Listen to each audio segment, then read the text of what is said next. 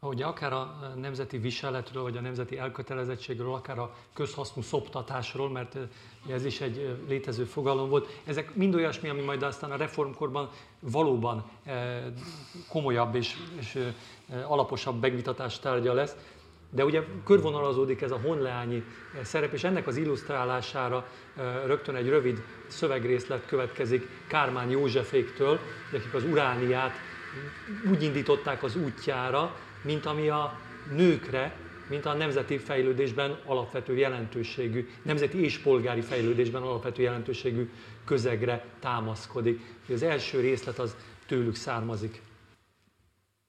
Puszta és üres volna az élet. Setét, mint a sír. Írtóztató, mint a kietlen tömlöc az asszonyi kedvesség nélkül. Ezek a barátnék kísérnek bennünket az élet sanyarú útján, és segítik az elünkbe akadó rózsákat szaggatni, és a tövés szúrásokat gyenge dajkálkodásaikkal enyhíteni. Ők osztoznak örömeinkkel egyaránt, mint bajainkkal, és tészik a mazokat ízesebbeké, emezeket tűrhetőbbekké. Az ő kedveskedéseik adják meg az élet savát. Ott, ahol az öröm kiapat, annak útfejét felkeresik. Ahol a bú miatt a fő gőzölög, az izzadságcseppekkel letörlik a gondot homlokainkról. Így szép tehetségek, így adományok feküznek titkos pójában nagyobb vagy kisebb mértékben az asszonynál. Egy igéző szó, és ezek valóságra jönnek. Egy alkalmatosság, és ezek fedeleikből kifejlődnek. Mint esik meg az mégis, hogy az emberi nemzet szép felének formálását és hasznos gyönyörködtetését annyira elfelejtjük. Minden írások csak a férfit, annak oktatását vagy mulatságát tárgyozzák. Azok, akik legelső és legmaradandóbb érzéseket nyomják a nevelés által a gyenge gyermeki szívbe, miért, hogy oly gyakran maguk neveletlenek? Esméletlenek azokkal a kötelességekkel és módokkal, amelyeknek teljesítése létüknek első célja. Azok, akiknek életünknek fűszerszámát kellene tökéletességeik által megadni, miért, hogy oly gyakran formálatlanok? Járatlanok azokkal az esméretekben, amelyeket a háznak okos igazgatása kíván, Idegenek azokkal a szívet hódoltató kedves, kedveltetésekkel, melyek a férnek házasságát paradicsommá változtatják. Majd nem teljes bizonyossággal lehet tehát reményleni, hogy valamint nem lesz foganatlan, úgy nem is lész kedvetlen hazánk szép nem előtt egy oly munka, amely különösen az asszonyi nemet illető esméreteket hozzon forgásba. Kedveltető móddal hasznos tanításokat adjon, mulattasson is, oktasson is. Készítsen jó és gondolkodó anyákat. Ossza vélek a nevelés terhét, formáljon hű és tiszta erkölcsű házastársakat, kellemetes társalkodónékat. Egy szóval, amely kézikönyve legyen hazánk leányainak. Ugye a, a nő, akinek itt a, mint olvasó, a nők, akik mint olvasó táborra e, számítanak Kármánék, ugye előhívnak egy olyan e, gondolatot, ami Sokszor nehéz megállapítani, hogy ez egy, ez egy kaptáció benevolencié, tehát hogy meg akarják nyerni egész egyszerűen csak a jó indulatot, vagy hogy valóban van-e mögötte egy komoly, mondjuk így társadalomfilozófiai elképzelés, vagy társadalom szervezési elképzelés a, a nők szerepével kapcsolatban. Nyilván, hogyha ez egyszerűen csak a jó indulat megnyerésére szolgál, az is informatív, de mindenképpen olyasmi ez, amit értelmezést igényel, illetve amivel, amivel kapcsolatban el, ugyancsak elmondhatjuk, hogy a reformkorban aztán, amikor egyre, egymást követik a nők számára, mostában a női olvasótáborra különösen építő sajtótermékek, ez egy nagyon erős zsáneré válik, vagy nagyon erős narratívává válik a, a nőknek ilyesfajta megszólítása, a feladatok, a nevelés terén, a feladatok az irodalom csiszolása terén, a házi állapotoknak a javítása terén? Um, Vegyük úgy, hogy kérdeztem. Igen, ezt akartam, hogy tulajdonképpen. Igen. Szóval az nagyon érdekes ebben a szövegben, hogy szinte minden benne van, ami később el fog hangzani. Tehát egy csomó mozdanatot később is mondani. Egyébként a nőkérdéssel való foglalkozás az megtanítja az embert arra, ha van benne kellő alázat, hogy tulajdonképpen semmi új nincs nap alatt, tehát mindig ugyanazok a kérdések jönnek elő, más-más megfogalmazásban, de a problémák valójában teljesen nem oldódnak meg. Tehát Karinti ezt ugye elég ügyesen megfogalmazta, hogy nem is érthetnek egyet, mert a férfi a nőt akarja, a nő meg a férfit. Tehát itt van ez az alapvető diotómia, ami az élet fenntartásához is tulajdonképpen szükséges, hogy meglegyen. De a, amit itt érdekesnek, vagy fontosnak lehet mondani, hogy közgazdasági értelemben is fontosak lesznek a nők, ugye? Tehát ez a szöveg azért előfiz, vagy olvasókat is akar, támogatókat, a pénzt is akar, miközben elmondja, hogy a nőknek milyen feladataik van, tehát az is a feladatuk, hogy mecénások legyenek, hogy előfizetők legyenek. Ez egy előfizetési felhívás tulajdonképpen. És hát ezek a nők, mint mecénások, mégis jelennek az Uránia körül, tehát a Podmanicki Anna Mária Beleznei tábornoknak az özvegye, ő komolyan segíti a, a folyóiratnak a megindulását, valamint a prónai báronők is. Mellesleg jegyzem meg, hogy ez mind, ezek mind protestáns hölgyek. Tehát az is valószínűleg nem kerül rá többet sor, vagy nagyon érintőlegesen csak a mai este. Nagyon érdekes, hogy a nőkérdésnek a felkarolásában másképp viselkednek a protestánsok, és másképp a katolikusok. A, még a jogkiterjesztés pártján álló katolikusok is. Tehát ennek persze sok oka van, a vallási tanítások is mások a, a két felekezeteknél.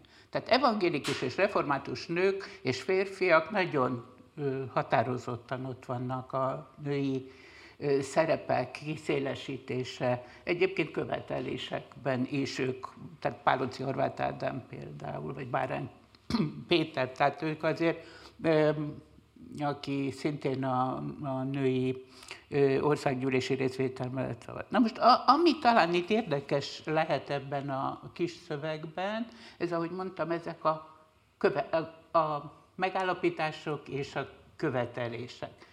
Tehát a nők helyzete ugye Kármánnék szerint nem túlságosan rózsás, olyan szempont, hogy titkos pólyában fekszik náluk minden. Tehát nincs, nincsenek kibontva a lehetőségek, nem mutathatják meg ezt.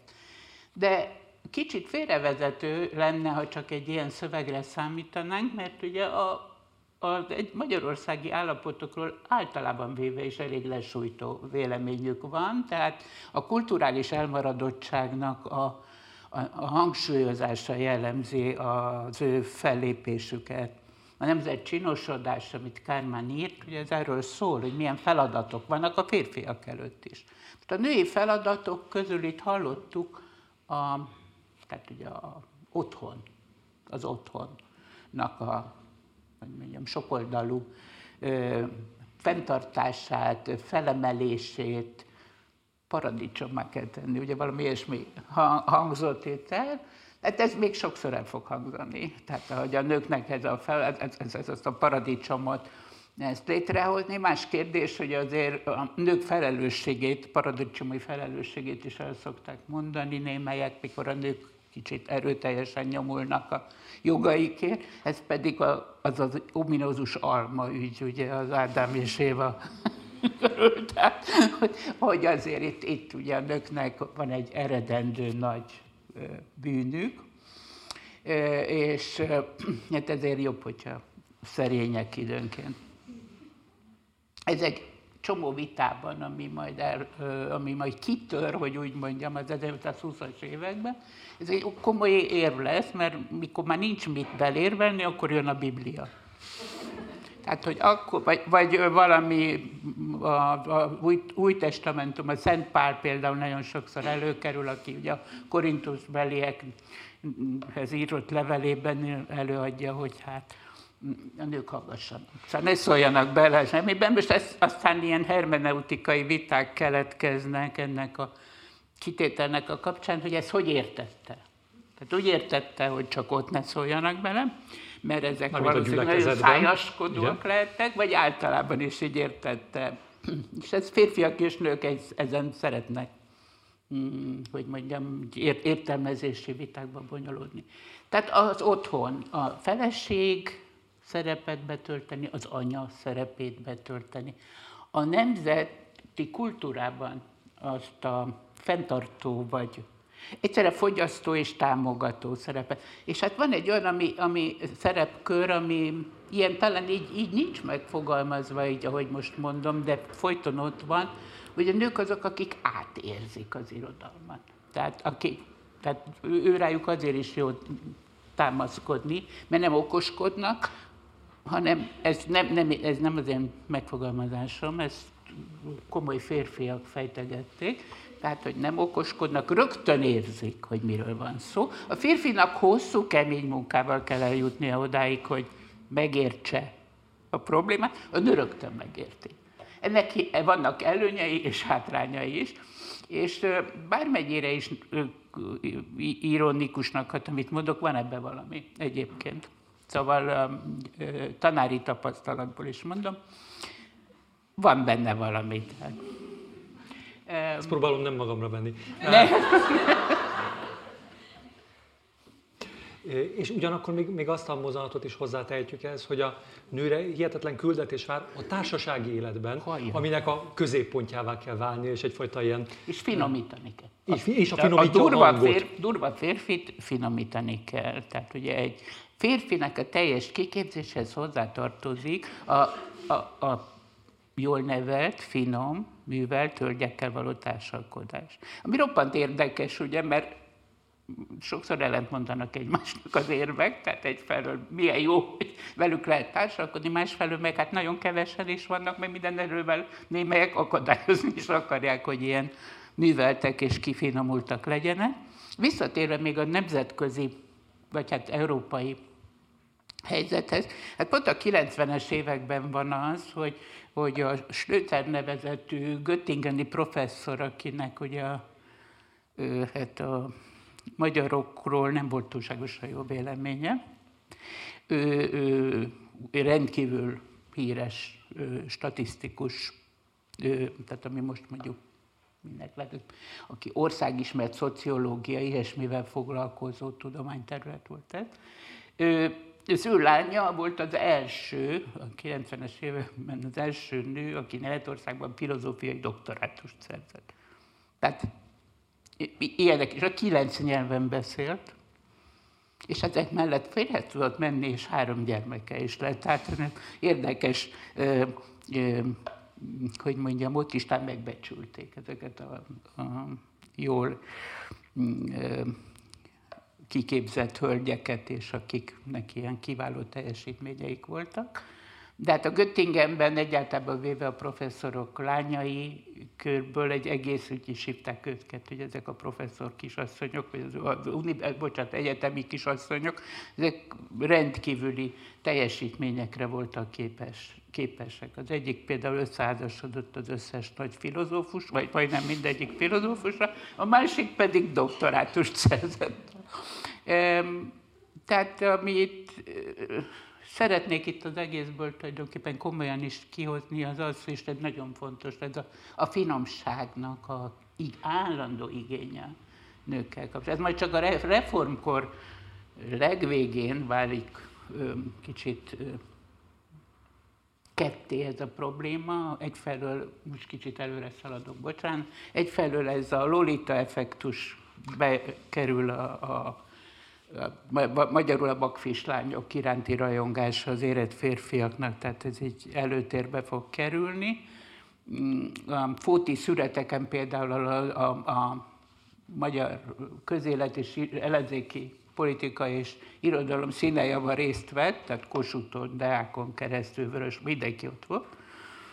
Ott például a Deák a kis, kis 16 évesekkel labdázik, az a az, azzal kapcsolódik ki az országos gondokból. A Vörös Marti egy egész fiatal leányt fog elvenni feleségül, és több példát is hozhatni. A másik viszont, egy másik vonulat, ez a Vahot Timre féle vonulat, aki azt mondja, hogy hát a, a, a nőknek először ne ordjanak fűzőt, piros posgásak legyenek, egészségesek legyenek, tehát nem ne ilyen éteri, ilyen szilfit kis lánykák, hanem hogy mondjam, tegyenes, talpas, kik, akik helytállnak az életvérában. Ez a két vonal, ez nagyon erősen megjelenik a, a, a, és a korszakban majd, és itt előre szeretném, bocsánat, elmondani, hogy a reformkor korán sem egységes időszak. Tehát mindenféle van benne. Tehát elkezdődik valóban a 15. század végén, tehát némi Csipke Rózsika állam után 25-től 20-as évektől újra felélénkül ez az egész reformtörekvés, és a 30-es és a 40-es évek nagyon különböznek egymástól. Tehát mindenféle szempontból, politikai szempontból is. Hát egyenesen megy a radikalizálódás felé a, a politikai élet, és tulajdonképpen ezzel nagyon érdekes módon nem tart teljesen egy azonos vonalon, vagy nem teljesen ugyanúgy halad a nőkről való gondolkodás, vagy a női szerepekről való gondolkodás. Tehát az a, az a mm, kritérium, vagy az a követelmény, hogy a nő társa legyen a férfinek, ez minél radikálisabb a politika, annál keményebben fogalmazódik meg az a kérdés, hogy legyen, tényleg legyen, tehát az legyen a dolga, hogy lesz, kisimítsa a redőket a férfi homlokáról, vagy hogy szóval nem annyira társ, mint inkább egy nemtő, aki ott áll a férfi mellett.